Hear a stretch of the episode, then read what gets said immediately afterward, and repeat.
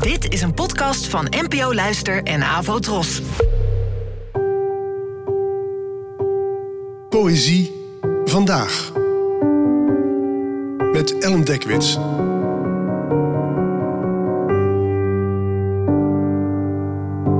Hallo, fijn dat je luistert.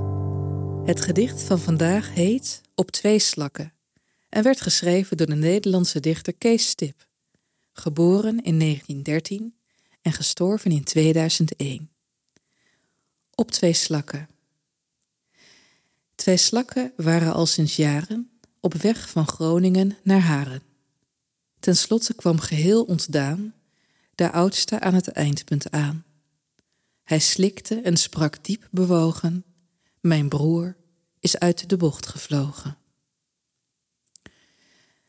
Je hebt binnen de Nederlandse poëzie het genre van de light verse, waarin humor, taalspel, fantasie en nonsens centraal staan.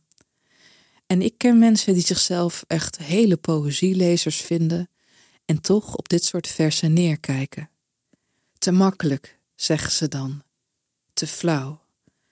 En misschien ligt het gewoon aan mij, maar ik kan er zelf enorm van genieten. Light verse zorgt voor lucht.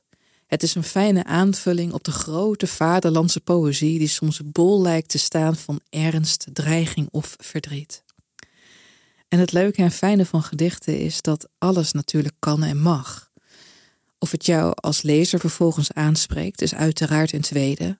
Of je het mooi vindt of juist flauw is aan jou. En zelf blijf ik dol op lightverse.